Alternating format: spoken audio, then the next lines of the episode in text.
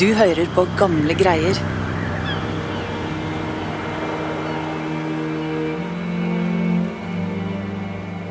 Alf Jørgensen lever et vanlig liv som fisker og familiefar på Arnøya i Nord-Troms under den tyske okkupasjonen. Men gradvis blir både han og familien viklet inn i spionvirksomhet mot nazistene. Jørgensen-familien har blitt rekruttert av to spioner i sovjetisk tjeneste, som de holder skjult i en hule på øya. Familien reiser rundt i Nord-Norge og kartlegger nazistenes aktivitet. Informasjonen de samler, bidrar til at tyske skip blir senket. Men nazistene får vite om familiens hemmelige dobbeltliv, og går til storstilt aksjon på øya. Hele familien blir tatt, men Alf klarer å rømme. På mirakuløst vis kommer han seg i trygghet i Sverige. Der oppholder han seg til krigen er over.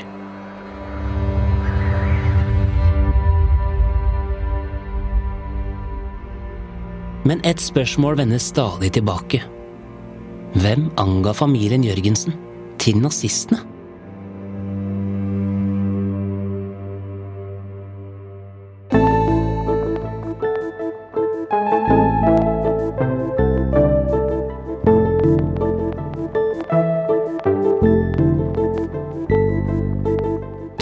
På Gamle greier, en podkast fra Nasjonalbiblioteket. Mitt navn er Lars Hamren Risberg. Du hører på fjerde og siste episode om spionfamilien på Arnøya. Det er journalist og kollega Martine Kaino som forteller historien. Hun tar oss med til en tidlig høstdag etter krigen i 1951. Nå skal Alf endelig få vite sannheten.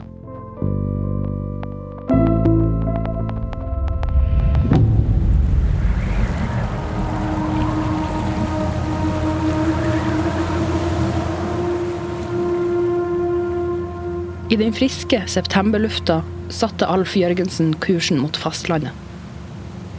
Etter en lang reise fra Orvik på Arnøya så han lysene i byen i horisonten. Da han nærma seg Tromsø, tenkte han på hvor krevende denne dagen ville bli.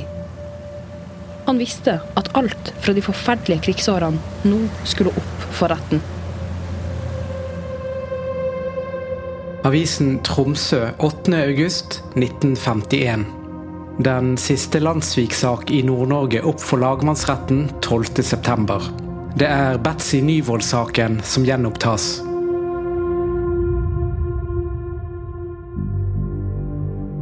Da nazistene hadde avslørt familiens spionaktivitet, hadde Alf trossa en sikker død og flykta til Sverige. Han visste at han var en av de heldige, til tross for tortur, flukt og nesten to år i eksil.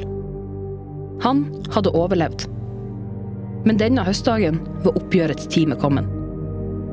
I alle landets kriker og kroker var det rettssaker som skulle ansvarliggjøre alle som hadde vært på nazistenes side under krigen. Alf tenkte på en av dem som var tiltalt for landssvik.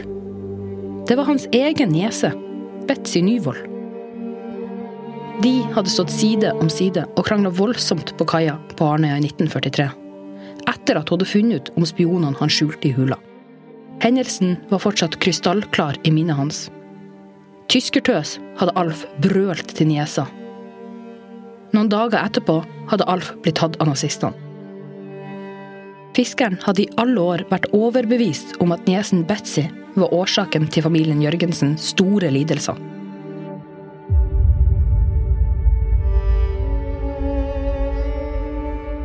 Men hadde hun virkelig angitt han?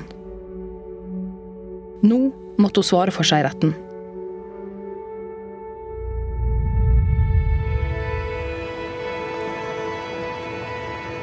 Alf vandra gjennom Tromsøs gate. Bladene hadde begynt å skifte farge, og lufta var kjølig.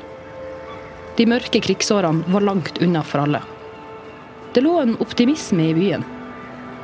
Men Alf stålsatte seg for å vekke til live alt det vonde i rettssalen. For krigen hadde skapt dype sår i Alfs familie. Etter at tyskerne hadde avslørt spionvirksomheten og Alf flykta til Sverige, hadde de hevna seg på hans familie og andre som hadde hjulpet spionene i hula. Alf hadde mista mange av sine nærmeste, broren Otto, adoptiv og svigersønnen hadde blitt henretta av nazistene. Kona og dattera ble sendt i arbeidskoloni i Tyskland. Tomrommet etter de døde var stort og kasta en mørk skygge inn i Alfs liv. Nå nærmer han seg et av byens fineste og eldste hus. Arbeiderforeninga i Tromsø. Det var her rettssaken skulle foregå. Da Alf gikk mot inngangen, la han merke til den store folkemengda utafor. Han trengte seg forbi alle. Og da Alf gikk inn dørene og kom inn i lokalet, så han at det var nesten helt fullt. Blant de mange fremmede ansiktene var også noen fra hans egen familie. Mange fra pressen hadde møtt opp og stilte spørsmål. Men Alf trakk seg unna reporterne. Den stille fiskeren likte ikke å snakke med journalister.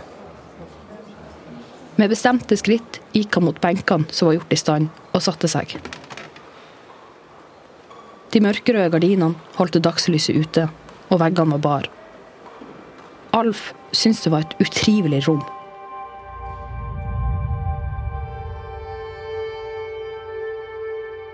Da rettssalen var kommet til ro, og dommeren hadde satt seg, åpna aktoratet seansen med anklagene mot Betzy.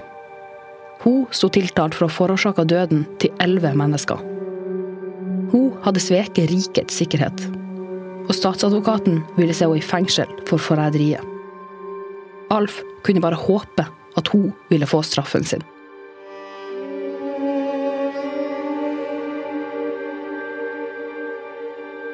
Han så de store bunker med papirer, og grua seg til å høre gjenfortellingen om hva som hadde skjedd etter han hadde flykta fra Gestapo.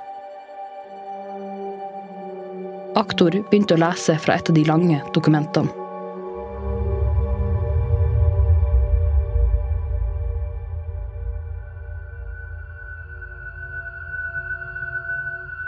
August 1943 hadde vært en nydelig sommerdag på Arnøya.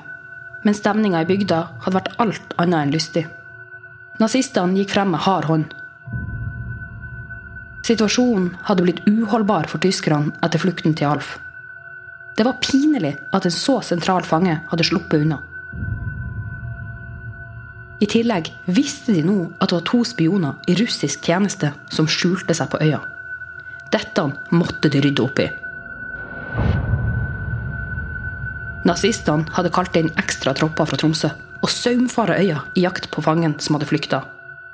Samtidig flytta de nå fokus over på Jørgensen-familien. De var sikre på at familien visste hva Alf hadde vært involvert i. Nå skulle de få kjenne på kroppen hvordan Nazi-Tyskland slo ned på motstand.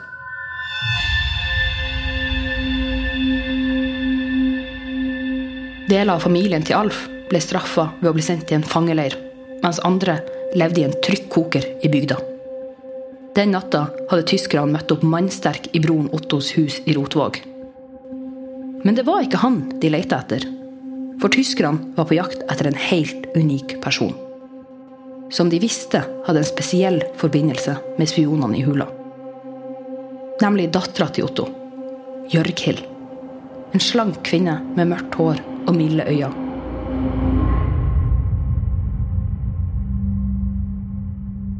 Jørghild og spionen i hula Ingolf hadde nemlig et svært nært forhold.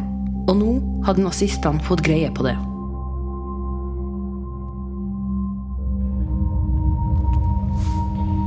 Alf satt på benken og lytta til fremmede som bretta ut om familiens dobbeltliv, som de hadde forsøkt så hardt å skjule.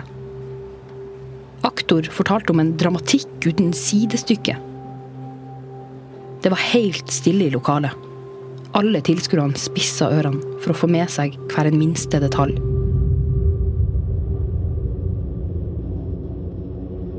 I firetida, midt på natta, hadde Jørgil blitt vekka av et voldsomt leven som kom fra inngangsdøra.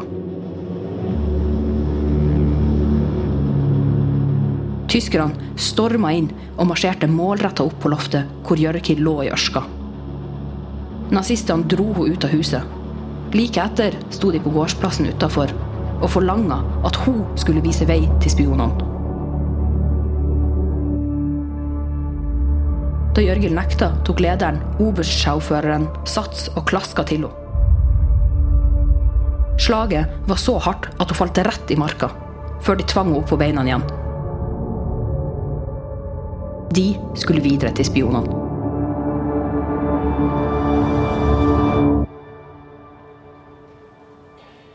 I rettssalen så alt for seg hvordan nazistene hadde dratt niesens sjanglende kropp mellom seg opp i fjellet. Mens blodet dryppa fra ansiktet. Nazistene hadde fått vite at spionene gjemte seg i hula. De visste bare ikke nøyaktig hvor den lå. Uansett var dobbeltspillet avslørt. Før Alf rakk å ta det innover seg, gikk aktoratet videre i saken.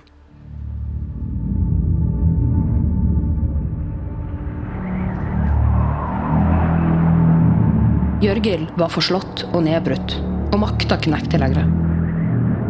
Med skarpladde våpen retta mot seg ble hun sluppet av nazistene opp fjellsida mot hula. Da de var framme ved spionenes skjulested, oppdaga tyskerne at hula var dyp og uoversiktlig. De mange steinene ga ideell dekning for eventuelle skudd. Det hadde vært livsfarlig for tyskerne å ta seg inn. Da de sto utafor inngangen til hula, ga oberstsjåføren, som hadde gitt Jørgil juling, streng beskjed om å overtale spionene til å komme ut. Da skulle hun få leve. Jørgil gjorde som hun fikk beskjed om, og gikk inn i hula. Der ble hun møtt av sin Ingolf og russeren. Selv om spionene var både sulten og sliten, lot de seg ikke knekke av situasjonen. De var kampklar.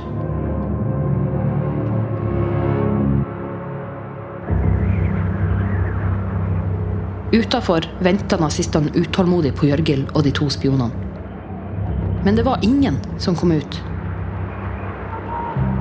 Tyskerne ropte inn i hula og forsøkte desperat å overtale spionene til å overgi seg. Redd og sliten bestemte Jørgel seg. Hun var ikke interessert i å redde sitt eget skinn. Hun skulle kjempe til det siste med Ingolf og russeren.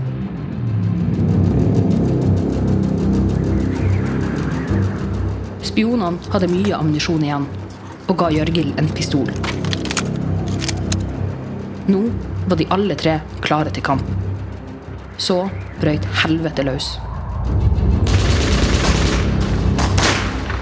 Tyskernes skudd begynte å hagle. Kulene traff huleveggene med en voldsom kraft, og smellene ga gjenklang. De tre kasta seg i ly og sikta sjøl mot tyskerne. I flere timer foregikk skuddutvekslinga uten at noen ville gi seg.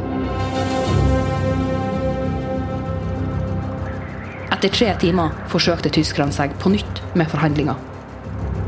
Mens de ropte inn i den mørke og uoversiktlige hula, sneik Jørghild seg mot åpninga. Hun lada våpenet og sikta. Hun så nazisten som hadde banka henne blodig, falle om.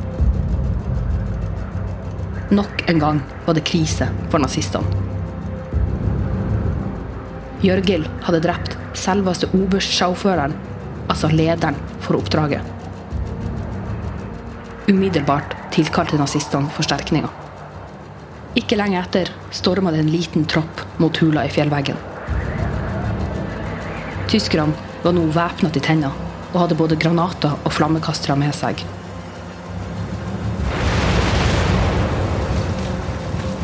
Straks sto hele hula i et voldsomt flammehav.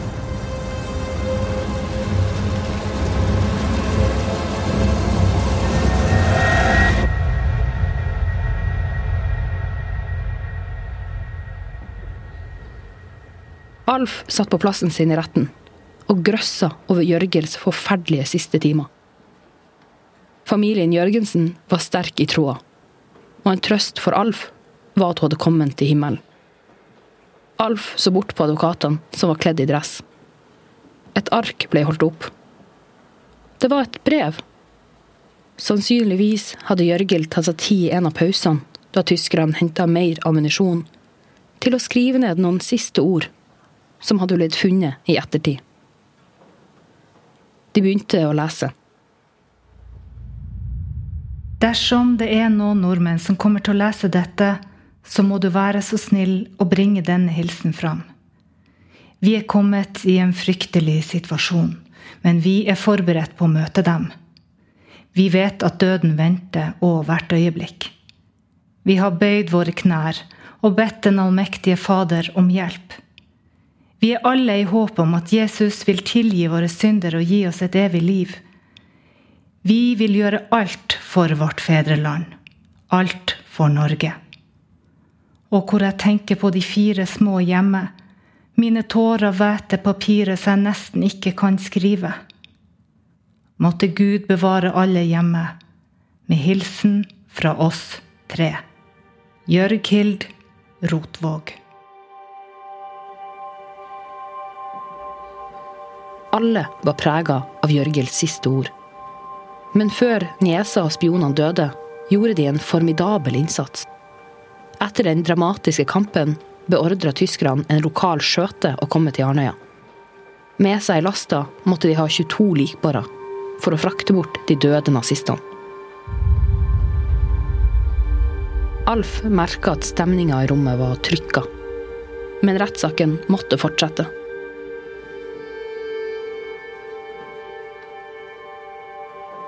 Var de kommet til den delen av saken som Alf hadde venta spesielt på.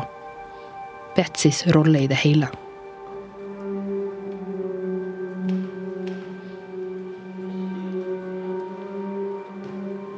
Aktoratets teori var at den voldsomme krangelen de to hadde hatt i 1943, da de sto og venta på kaia, var motivet hennes for å angi familien. Aktoratet mente at Betzy var bitter over at Alf i full offentlighet hadde ropt at hun var en tyskertøs.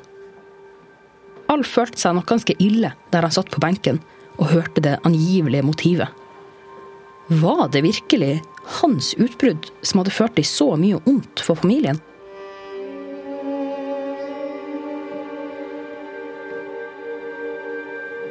Han var fullstendig klar over at han og Betzy hadde hatt et dårlig forhold i flere år. Men at det var årsaken til at flere familiemedlemmer ble drept, var en uutholdelig tanke.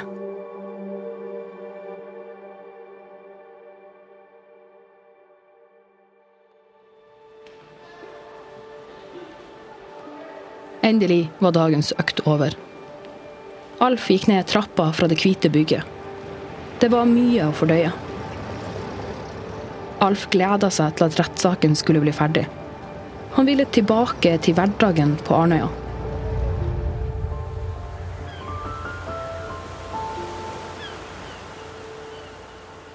Til tross for elendigheter hadde han fortsatt kona Petra. Etter at okkupantene hadde blitt drevet ut, hadde ekteparet returnert til hjemstedet Orvik.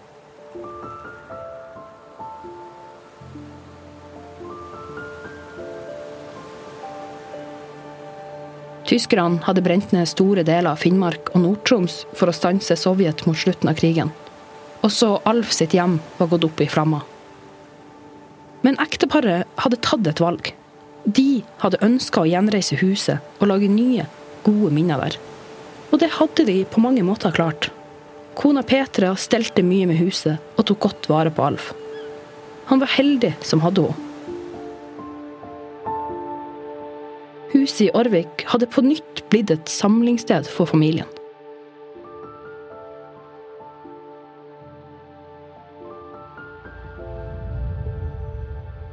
Mens Alf gikk i sine egne tanker, la han merke til at saken mot niesa Betzy var en stor snakkis i byen.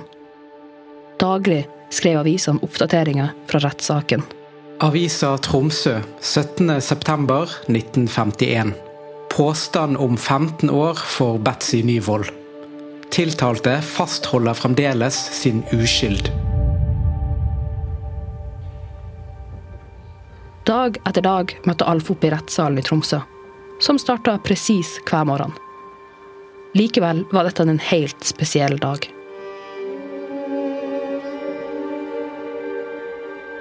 Nå skulle nemlig Betzy forklare seg. Alf så niesen sitte på tiltalebenken og han la merke til hvor rolig hun var. Det var ikke mulig å spore en nervøs mine på henne en eneste gang. Betzy røyste seg, og kledd i en enkel, kledelig kjole gikk hun mot vitneboksen. Med lav og kontrollert stemme begynte hun å snakke. Hun hadde lagt fra seg Orvik-dialekta og snakka på østlandsk. Det var merkelig for Alf å høre stemmen hennes.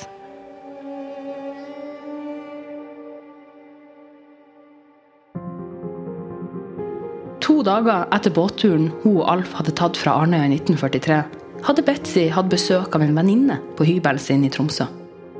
Da hadde Betzy avslørt at onkelen var innblanda i spionvirksomhet mot tyskerne. Men ifølge Betzy hadde de to venninnene ikke snakka så mye om det.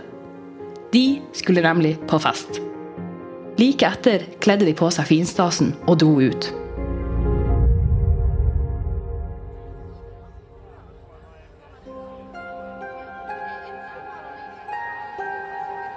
Begge arbeida for nazistene og sosialiserte med soldatene i byen. Denne kvelden var de invitert om bord på en minesveiper. På båten drakk de alkohol, og det var god stemning. Etter hvert skilte de to venninnene lag, og var sammen med hver sin tysker i ulike rom.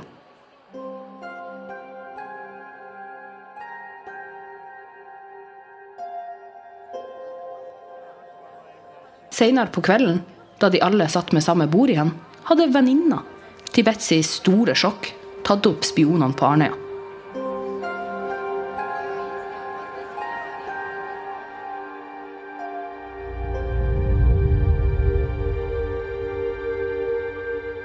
Hadde SIPO, det tyske sikkerhetspolitiet, fått vite om Alfs families dobbeltliv. Betzy hevda altså at hun ikke hadde noe med angiveri å gjøre. Hun skyldte på venninna.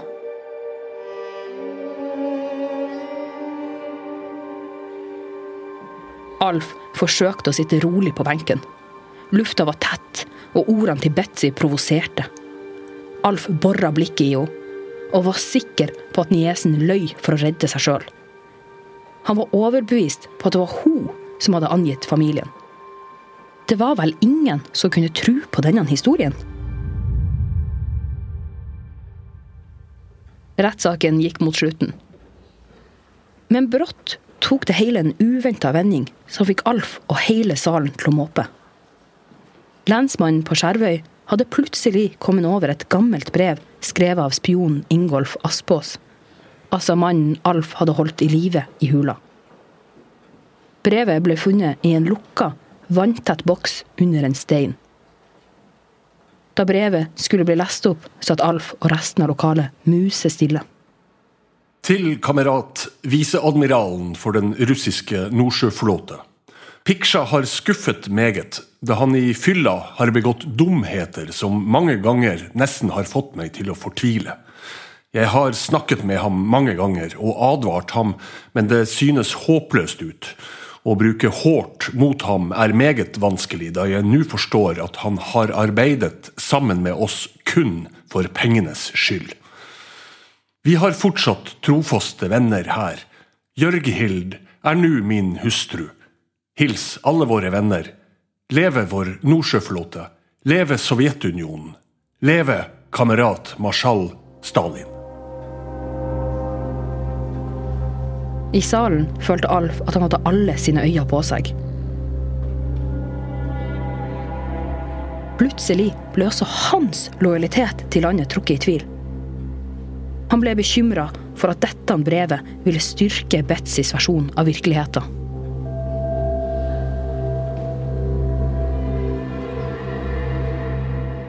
Den siste tida før Gestapo hadde gått til aksjon, hadde forholdet mellom Alf og spionen Ingolf blitt dårligere og dårligere. Men Alf hadde nok aldri trodd at Ingolf ville svartmale ham på dette viset. Nå ble han fremstilt som en grisk mann som bare var ute etter pengene. Hele hans rykte var gått i grus. Alf skjønte at utfallet i saken kunne få store konsekvenser for han. Det var ikke gitt at Alf ville komme godt ut av dette. Enda verre til brukte Betzys forsvarer lappen for alt det var verdt. I deres fortelling var Alf skurken som avslørte spionene med å være uforsiktig og grisk. Det var altså to versjoner av virkeligheten som sloss om å bli anerkjent i lokalet. Det var provoserende for Alf å høre hvordan forsvareren bedyra at Betzy var uskyldig.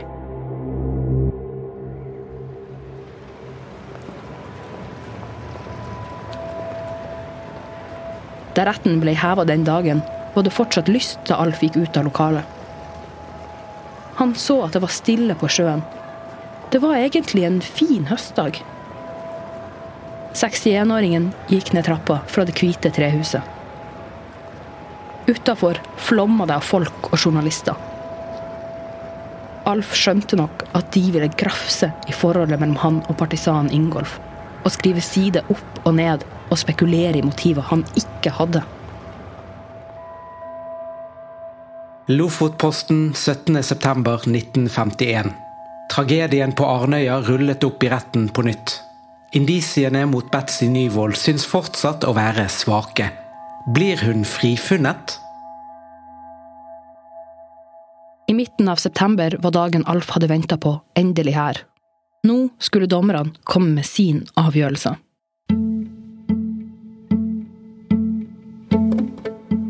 Alf hadde kamma håret, tatt på seg en dress og satt utålmodig på benken.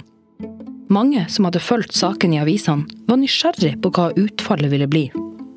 Lenge før dommeren satte seg, måtte dørene til rettssalen lukkes. Det var rett og slett stappfullt. Da dommeren omsider var på plass, kjente Alf at det bredde seg en underlig stemning over lokalet. Spenninga var til å ta og føle på. Avisa Nordlys 18.9.1951.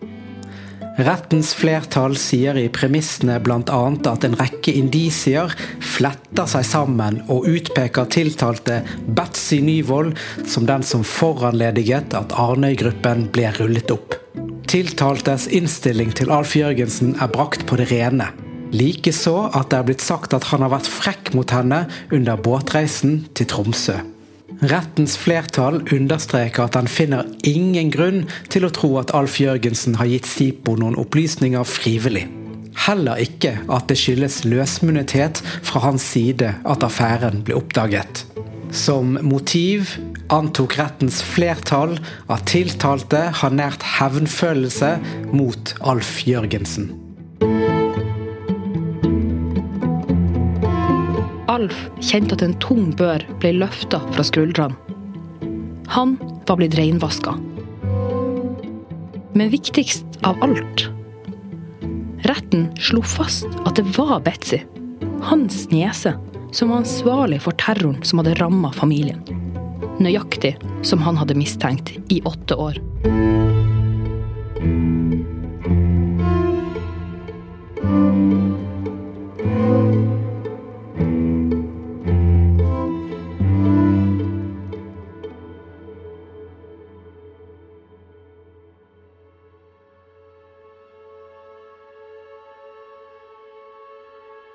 Fiskeren og familiefaren hadde betalt en høy pris for motstandsarbeidet han nærmest snubla inn i. Tilfeldigheter og storpolitikk hadde snudd opp ned på livet hans for alltid. En naiv avgjørelse om å hjelpe spionene hadde tatt med hele familien i dragsuget. Hvordan hadde livet vært hvis han den gangen, for så mange år siden, hadde sagt nei til å hjelpe spionene? Familien Jørgensen hadde ofra alt for Norge.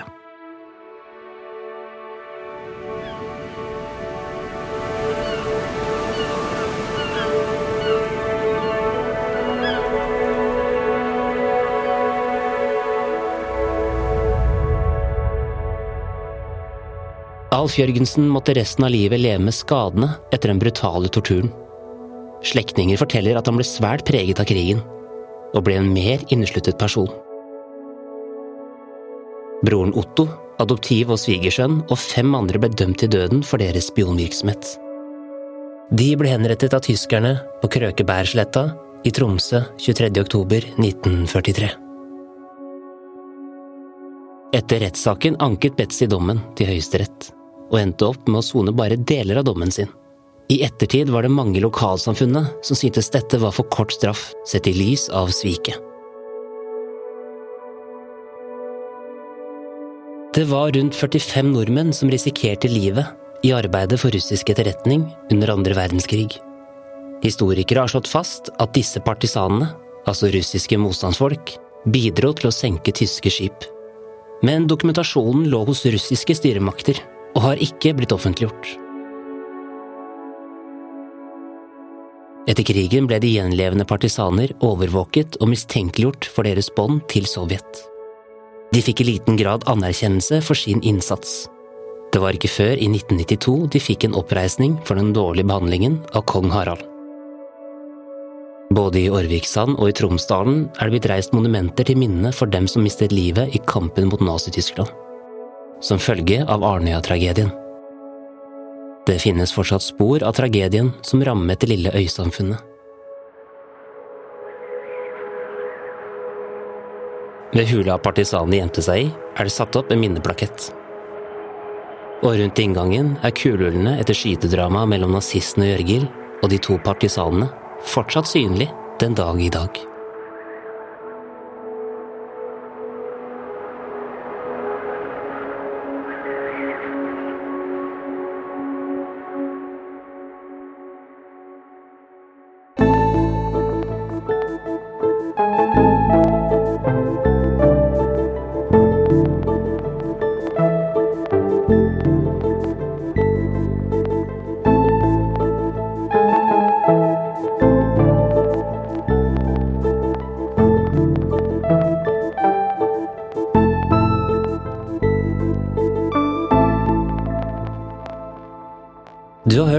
Og siste episode om spionfamilien på Arnøya. Denne episoden er laget av Martine Kaino, Dang Trind og meg, Lars Hamren Risberg. Kilder til episoden er bøkene Drama på Arnøy av journalist og forfatter Kjell Fjørtoft, Kulturminner på Arnøy og Laukøy i Nord-Troms, Ei vandring gjennom tid, landskap og historie av Eirin Holberg, Krigen i nord, fra Murmansk til Arnøy av Nils Henry Johansen, Nasjonalbibliotekets egen avissamling og dokumenter fra landsviksoppgjøret. Takk til lokalhistoriker og tidligere lærer Kåre Nilsen og lokalhistoriker Bjørn Tore Nøkkelby. Noen av sitatene er forkortet og forenklet. De er lest av Eirik Sivertsen, Ingunn Mikkelsen og Dang Trind. En ekstra takk til Oddveig Martinsen, barnebarn av Otto Jørgensen og siste gjenlevende tidsvitne for gode innspill. Musikken du har hørt i denne episoden er fra Epidemic Sound og Therese Aune. Mitt navn er Lars Hamren Risberg. På gjenhør. you